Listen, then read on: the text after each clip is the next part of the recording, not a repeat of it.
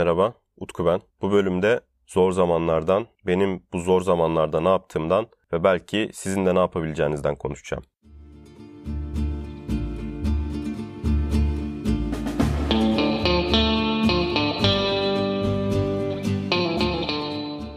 Bundan iki sene önceydi. Benim için güzel bir dönemdi. Dördüncü sınıfa başlıyordum. Tıp fakültesinde dördüncü sınıfa başlamak, geçmek önemli bir şeydir. Çünkü bu zamana kadarki dersiniz zaten başarılı geçmişsinizdir. Bundan sonra artık stajyer doktor olacaksınızdır. Yani nereden bakarsanız bakın çeyrek doktor olacaksınız demek. Dersler ağırlaşır, hastane içerisine girersiniz. Biraz da olsa kendinizi önemli ve değerli hissetmeye başlarsınız. Bir de ben o yaz Almanya'da Heidelberg'te bir ay güzel bir staj yapmıştım yaz stajı. Yani hayatta bir şeyler benim için değişiyordu, büyüyordum ve güzele gidiyordu aslına bakarsanız. Çünkü artık kendimi farklı bir aşamaya geçmiş gibi hissediyordum dediğim şeylerden dolayı. İşte tam bu dönemde her şey yavaş yavaş iyiye giderken ve benim hayatımda çok da kötü şeyler olmazken yani bana kalırsa hiç beklemediğim bir şey yaşadım. Hiç beklemediğim bu şeyi yaşayınca bu olayı yaşayınca kendimi çok kötü hissetmeye başladım. Kendimi çok yalnız hissetmeye başladım. Kendimi birden çok değersiz hissetmeye başladım. Her şeyin ortasında tek başıma kalmış gibi hissediyordum. Hayata dair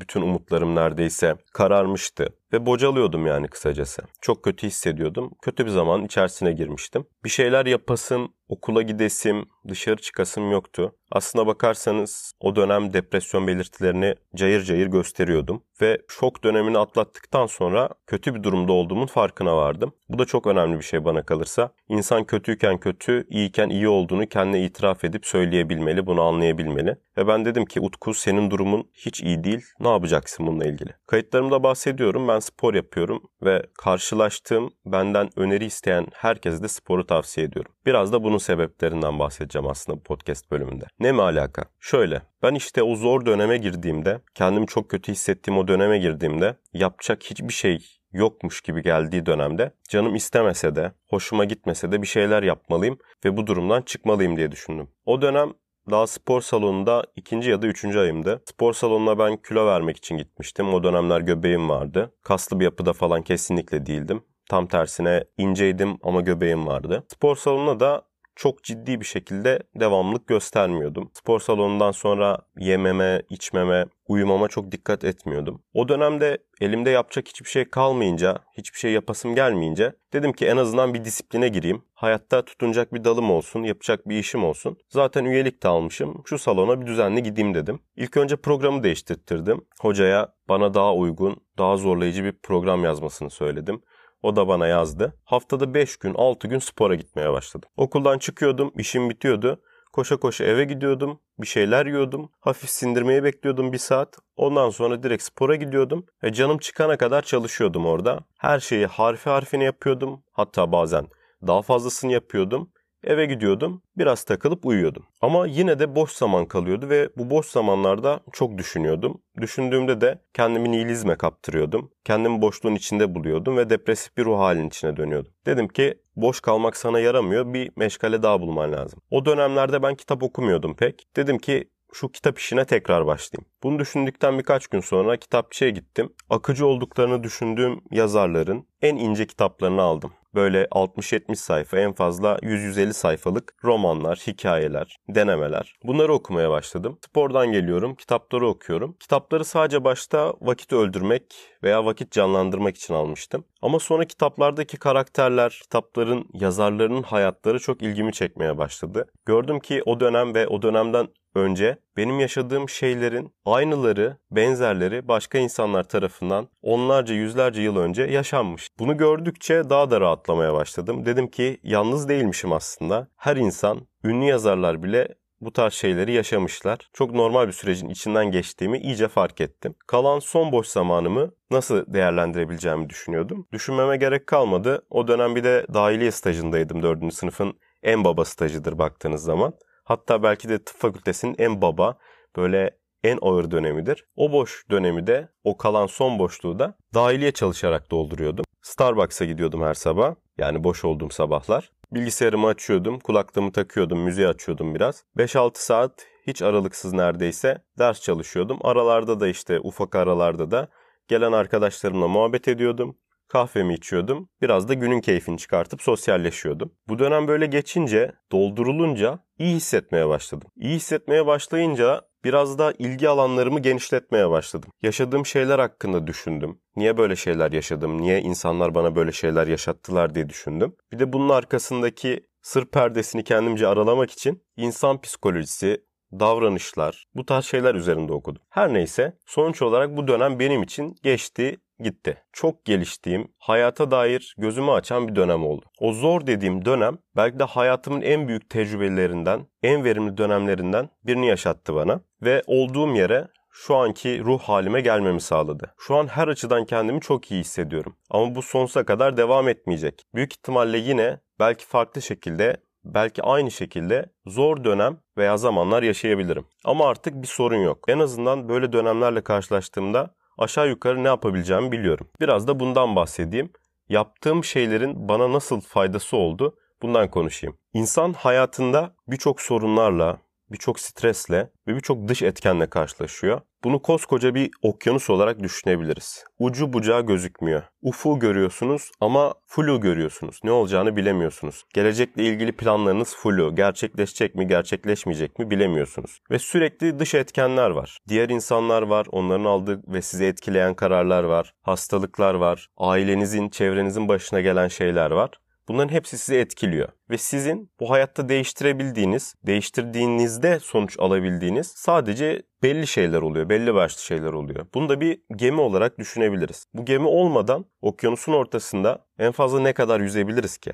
İnsan yani sürekli olarak tutunacağı, güveneceği bir şeylere ihtiyaç duyuyor. Ve böyle zor dönemler geldiğinde bahsettiğim gibi, yaşadığım gibi zor dönemler geldiğinde o gemi ayaklarınızın altından kayıyor ve suya düşüyormuş gibi oluyorsunuz. Suya düştünüz mü boğulmakla hayatta kalmak yani iyi hissetmekle kötü hissetmek tercihlerimize bağlı bir şey oluyor. Durum ne olursa olsun insan için iyi veya kötü seçenek oluyor. Tabii ki bazı durumlarda daha kötü ve kötü seçenek oluyor ama her zaman bir pozitif, daha pozitif bir seçenek oluyor. Benim çok kötü hissettiğim dönemde fark etmeden yaptığım şey bu düştüğüm okyanusta kendime bir dal bulmamdı. O dönem bunun hiç farkında değildim ama Spor benim için bu olmuştu mesela. O spora gitmek, düzenli olarak onu yapmak bana bir disiplin kazandırdı. Sporun çevresinde hayatımı inşa etmeye, yeniden inşa etmeye başladım. Bunu yapınca ve iyi sonuçlar almaya başlayınca kendimi daha da iyi hissettim. E bu da etki etti. Bu sefer kitap okumaya başladım. Boş zamanlarımı doldurmaya başladım. E kitap okumaya başlayınca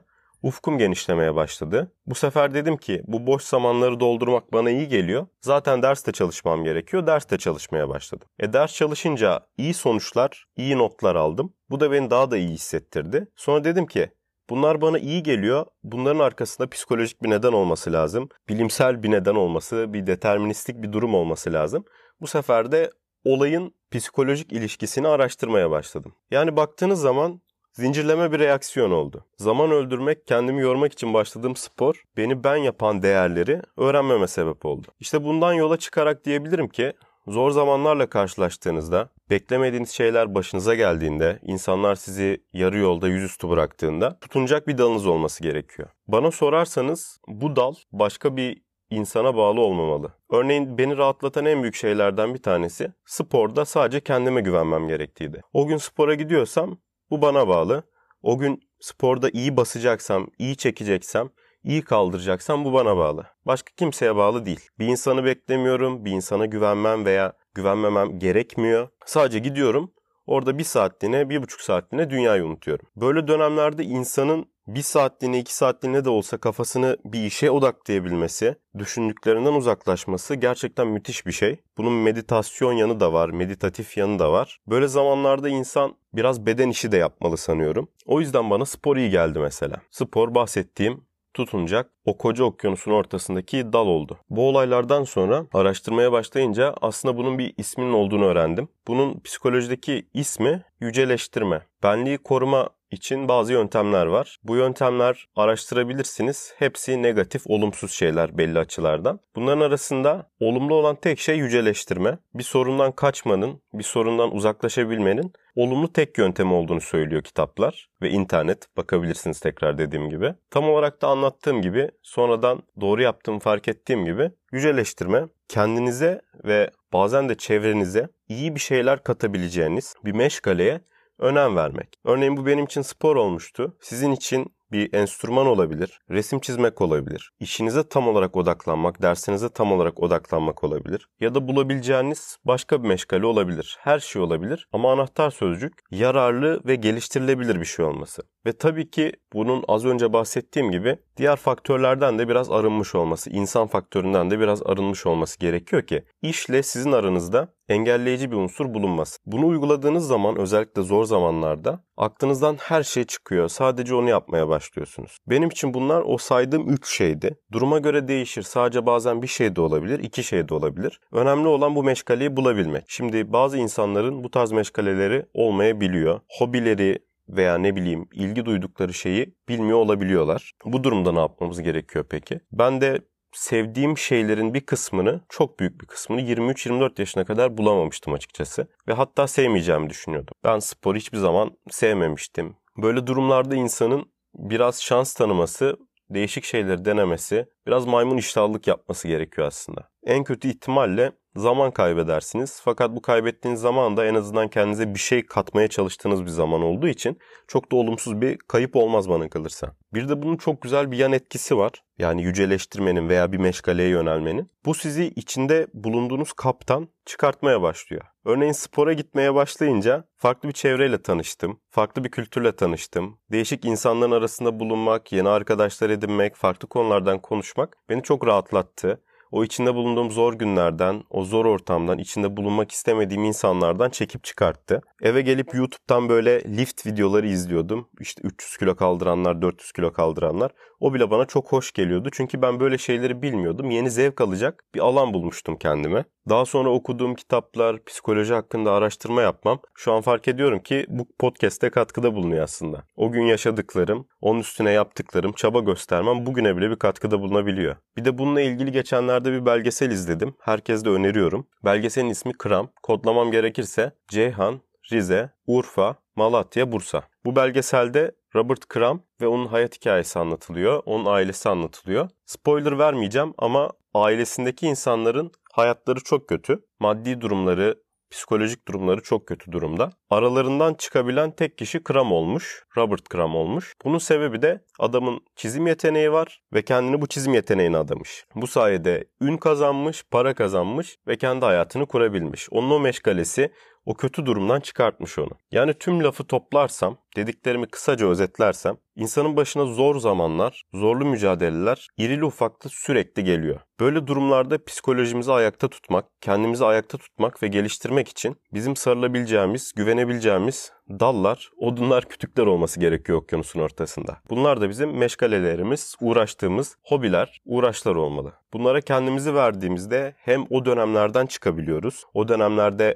daha rahat mücadele edebiliyoruz. Kendimizi o kötü psikolojik bakış açısından çekebiliyoruz. Hem de bu yaptığımız şeyler psikolojik ismiyle yüceleştirme, çabalama hayatımızın diğer anlarına da olumlu etkilerde bulunuyor. Ve fark etmeden en kötü zamanlarımızda bile aslında kendimizi geliştirebiliyoruz. Bugün anlatacaklarım bu kadardı. Bunlar benim hikayelerim ve benim çıkarımlarımdı. Kesinlikle profesyonel psikolojik tavsiyeler değil. Böyle durumlarda profesyonel destek görmek istiyorsanız mutlaka bir psikiyatri uzmanına danışmayı ihmal etmeyin. Eğer kanalımı beğendiyseniz beni takip ederek veya sosyal medya hesaplarımı takipleyerek yakından haberdar olabilirsiniz. Bir dahaki kayıtlarda görüşmek üzere.